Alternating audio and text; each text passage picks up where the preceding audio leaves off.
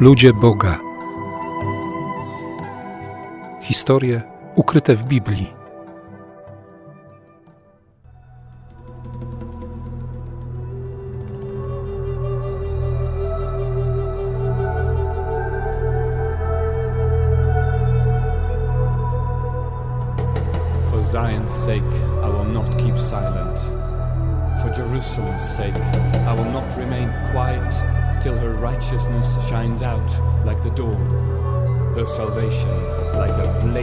Torch.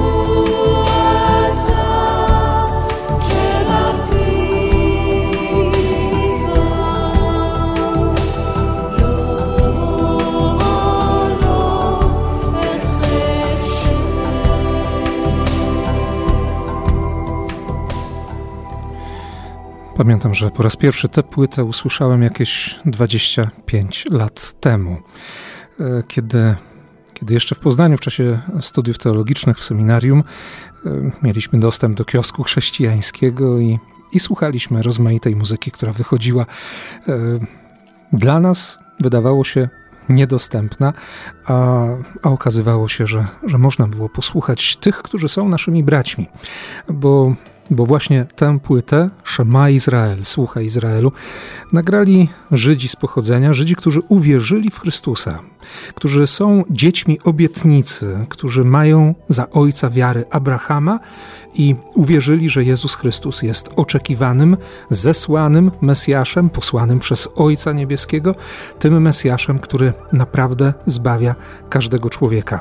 Uwierzyli, że obietnica Abrahama spełniła się, a obietnica dana Abrahamowi spełniła się nie tylko w jego synu, w Izaaku, nie tylko w jego wnuku Jakubie, ale, ale spełniła się przede wszystkim w Jezusie Chrystusie. I nagrali między innymi właśnie taką płytę Słuchaj Izraelu. Ten utwór, który słyszeliśmy przed momentem, który wreszcie wybrzmi w całości w naszej audycji, to początek 62 rozdziału Księgi Izajasza.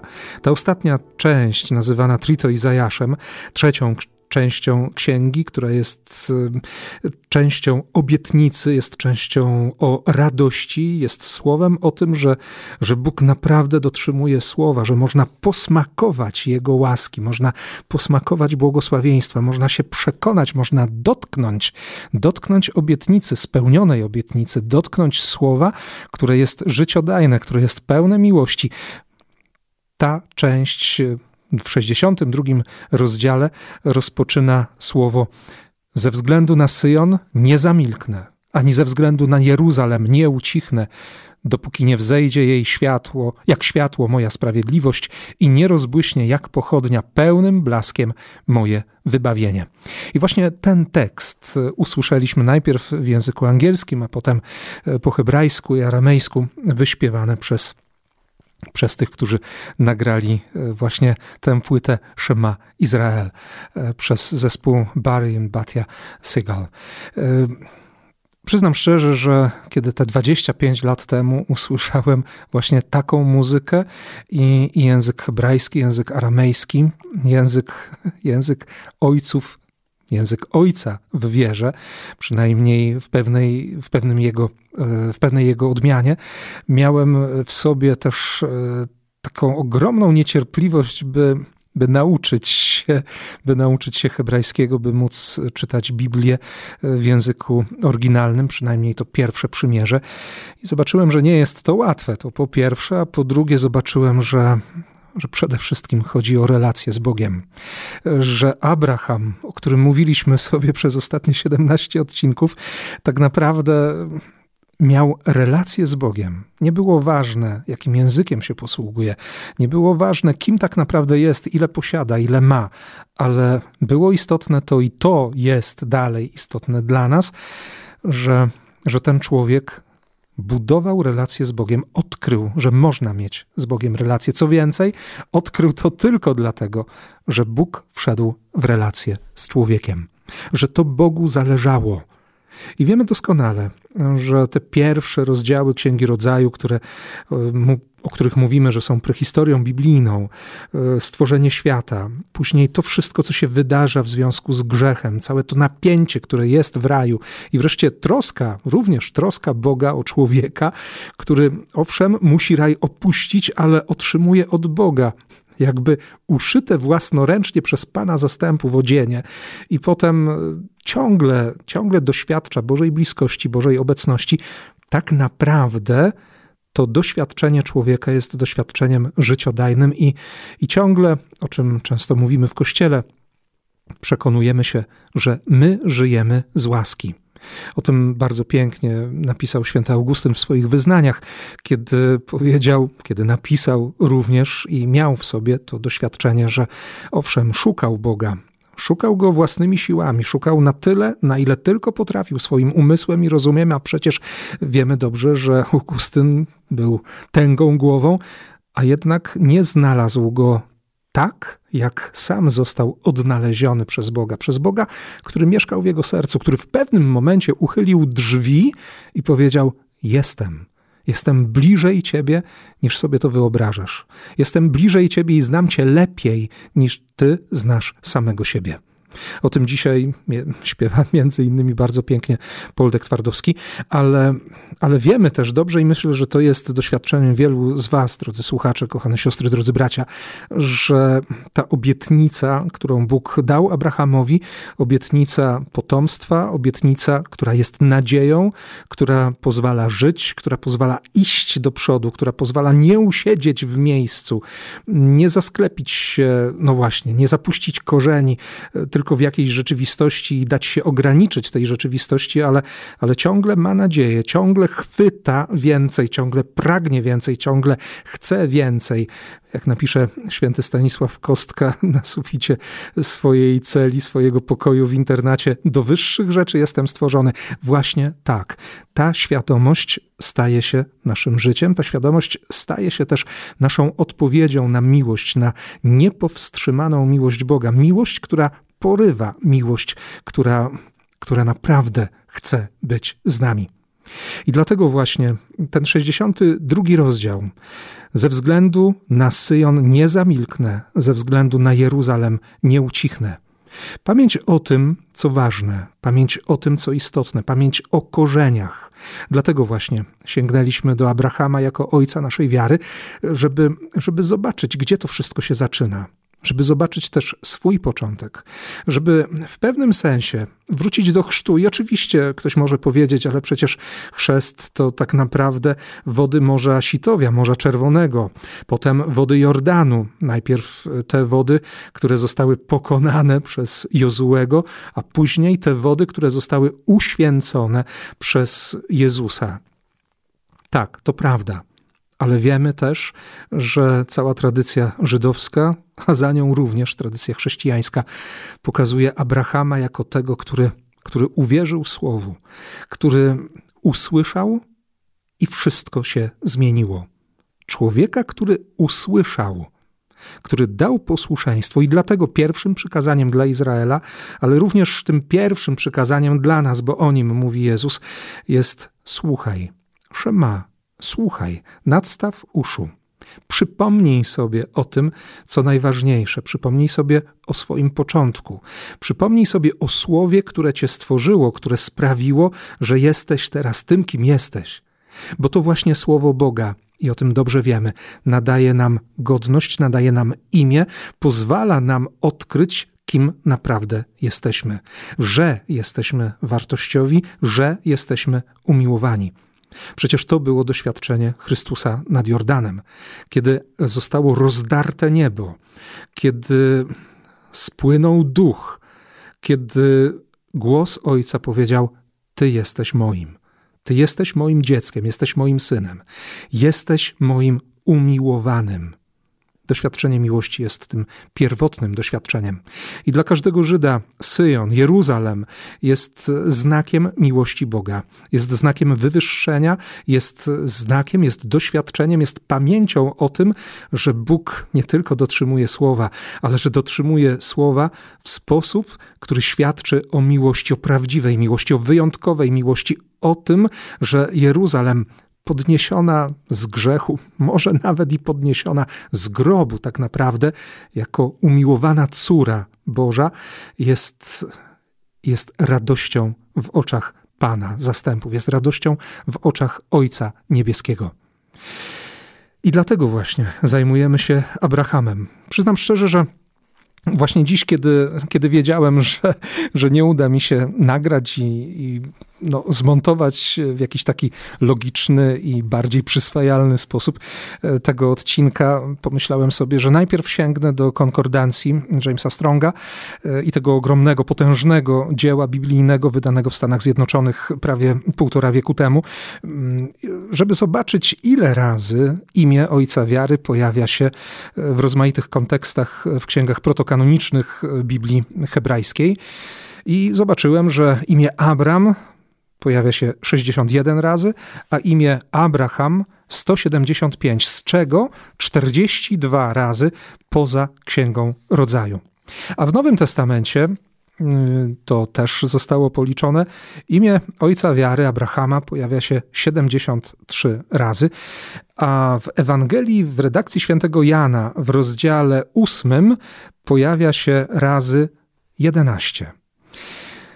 I pomyślałem sobie, że skoro mówimy o Abrahamie, który, który uwierzył Bogu na słowo, który doczekał się spełnienia obietnicy, bo prawdopodobnie kolejną postacią w tym naszym cyklu będzie postać Izaaka, syna Abrahama, człowieka, który, który miał przed sobą tak świetlaną przyszłość i który tak naprawdę tylko w jednym momencie był z Bogiem tak blisko i tak mocno odkrywał Boże pragnienia, że, że wydawało się, że wszystko się zmieni i że Izaak wypełni pragnienia Boga.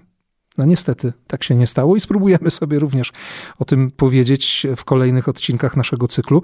Natomiast e, dziś chciałem zatrzymać się właśnie w ósmym rozdziale Ewangelii Jana, e, żeby zobaczyć tego, który który jest nie tylko dzieckiem obietnicy, nie tylko tym, o którym Ojciec Niebieski powie: Jesteś moim umiłowanym, w Tobie złożyłem wszystkie moje pragnienia, wszystkie moje, moje postanowienia są w Tobie, cała moja nadzieja jest w Tobie, jest między nami taka miłość, która Tobie pozwoli powiedzieć: że nic nie masz swojego, ale wszystko otrzymałeś ode mnie, a z drugiej strony mnie pozwoli być z Tobą tak blisko, że kiedy powiesz, w Twoje ręce oddaję mojego ducha, ja wyciągnę ręce i, i chwycę Cię. Chwycę Cię tak mocno, że śmierć, która będzie Ci zagrażała jako człowiekowi, nie będzie już dla Ciebie lękiem, bólem, nie będzie dla Ciebie niewiadomą, nie będzie dla Ciebie przerażeniem, nie będzie dla Ciebie końcem bo miłość jest mocniejsza od śmierci.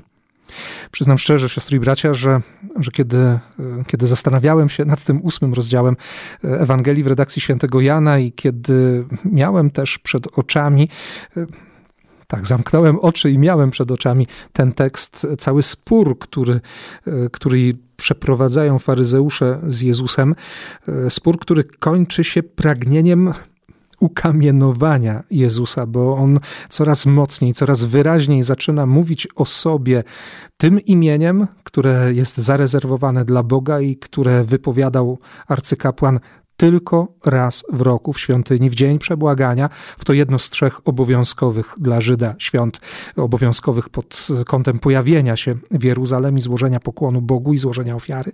Jom Kippur, czyli dzień przebłagania, dzień wołania o miłosierdzie, kiedy arcykapłan wchodził do świątyni, kiedy z drżeniem wypowiadał imię Pana zastępów, wchodząc do miejsca świętego świętych, odsuwając zasłonę i, i mając nadzieję, że wyjdzie żywym, po wypowiedzeniu tego imienia, nagle okazuje się, że jest ktoś, kto, kto mówi to imię i nic się nie dzieje, nie zostaje rażony żadnym piorunem, nie pojawia się anioł, który mógłby go momentalnie uśmiercić, ale, ale ten człowiek z taką mocą mówi o sobie, że wydaje się być autentycznym synem Bożym to było dla Żydów nie do przyjęcia, nie do pojęcia i, i wiemy dobrze, że do tej pory jest zgorszeniem. Dlatego Bogu tym bardziej dziękuję y, za tych, którzy na przykład nagrali właśnie taką płytę, z której możemy korzystać w naszym cyklu.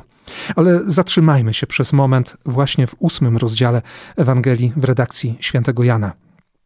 Kiedy Jezus mówi o wywyższeniu Syna Człowieczego, kiedy mówi o tym, że sam z siebie niczego nie czyni, lecz głosi tak, jak pouczył go Ojciec, że ten, który go posłał, naprawdę jest z nim, bo, bo on zawsze, on zawsze wypowiada takie słowa, które, które się podobają, które się podobają Ojcu. Nagle wielu zaczyna wierzyć. Jezus mówi dalej: Jeśli wytrwacie w mojej nauce, będziecie naprawdę moimi uczniami. Poznacie prawdę. Prawda was wyzwoli. Prawda uczyni was wolnymi. Bo jedynie przez trwanie w moim słowie możecie się stać moimi uczniami. Nie chodzi o jednorazowe deklaracje. Trwajcie w moim słowie, gdyż tylko w nim poznacie prawdę, a ona da wam uwolnienie. Słowo Słowo, które ruszyło z miejsca Abrahama, słowo, które tak naprawdę może dzisiaj poruszyć każdego z nas. Chrystus, który przychodzi, by się z nami spotkać.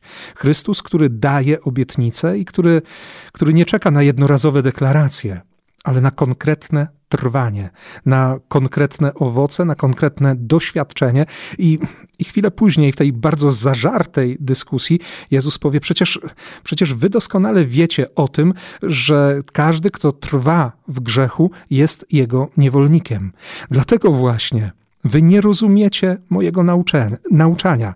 Macie niechęć do przyjęcia mojego słowa. Co więcej, jesteście dziećmi diabła. Dlatego tak dobrze wychodzi wam pełnienie woli waszego ojca. Oczywiście e, Żydzi nie mogli tego słuchać. Od razu zaczynają mówić, że są potomstwem Abrahama, że, że oni mają za ojca ojca wiary. Jezus nie daje się temu zwieść. Gdyby Bóg był waszym ojcem, gdyby Abraham był waszym ojcem, to byście mnie uwierzyli. Bo Abraham uwierzył Bogu. On był tym, który naprawdę poszedł za słowem, który, który wszystko zmienił, który dał w sobie samym zabić wszystkie swoje pragnienia, wszystkie swoje marzenia po to, by usłyszeć słowo, by być wypełnionym słowem Boga. Siostry i bracia, tak sobie pomyślałem teraz w kontekście nie tylko wakacji, ale tego wszystkiego, co się wydarza w naszym życiu, czy, czy mamy w sobie taką zgodę? A może właśnie słuchamy dzisiaj tego słowa i, i, zapraszam Was wszystkich do tego, by otworzyć ósmy rozdział Ewangelii w redakcji świętego Jana i przeczytać tę trudną dyskusję, ten trudny zażarty spór między Jezusem a faryzeuszami, po to, żeby, żeby samemu dać sobie odpowiedź, żeby samemu się zastanowić nad tym, czy tak naprawdę potrafię słuchać, czy chcę słuchać. Czy stać mnie dziś, dziś, właśnie teraz, o tej porze, czy stać mnie jutro, czy będzie mnie stać jutro, od samego rana, żeby powiedzieć: Boże, mogę się nawet zgodzić na pustkę mojego serca, bylebyś Ty wypełnił mnie swoim słowem. Proszę Cię o to. Oczywiście, moi drodzy, Gorąco polecam e, wypowiedzenie słów takiej modlitwy tylko po głębokim przemyśleniu sprawy, to znaczy po zdaniu sobie sprawy z tego, jakie mogą być konsekwencje. Bo Bóg słowo, słowo traktuje bardzo poważnie. Jeśli damy mu słowem zgodę na to, żeby, żeby coś się wydarzyło w naszym życiu, to Bóg to zrobi. I często wcale nie tak, jakbyśmy oczekiwali. Wiemy to dobrze z historii Abrahama. Te dziesięć kolejnych prób, e, te dziesięć stopni na drodze wiary.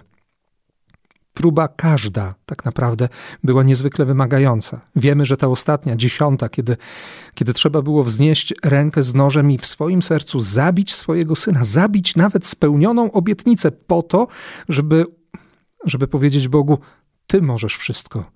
Ty wskrzesisz, Ty dasz życie. Owszem, my, my, kiedy patrzymy na próbę Abrahama, kiedy widzimy Jezusa, który wstaje z martwych z grobu, może nie zdajemy sobie sprawy z wagi i sytuacji wydarzenia, cudu zmartwychwstania i cudu, który wydarzył się na górze Moria.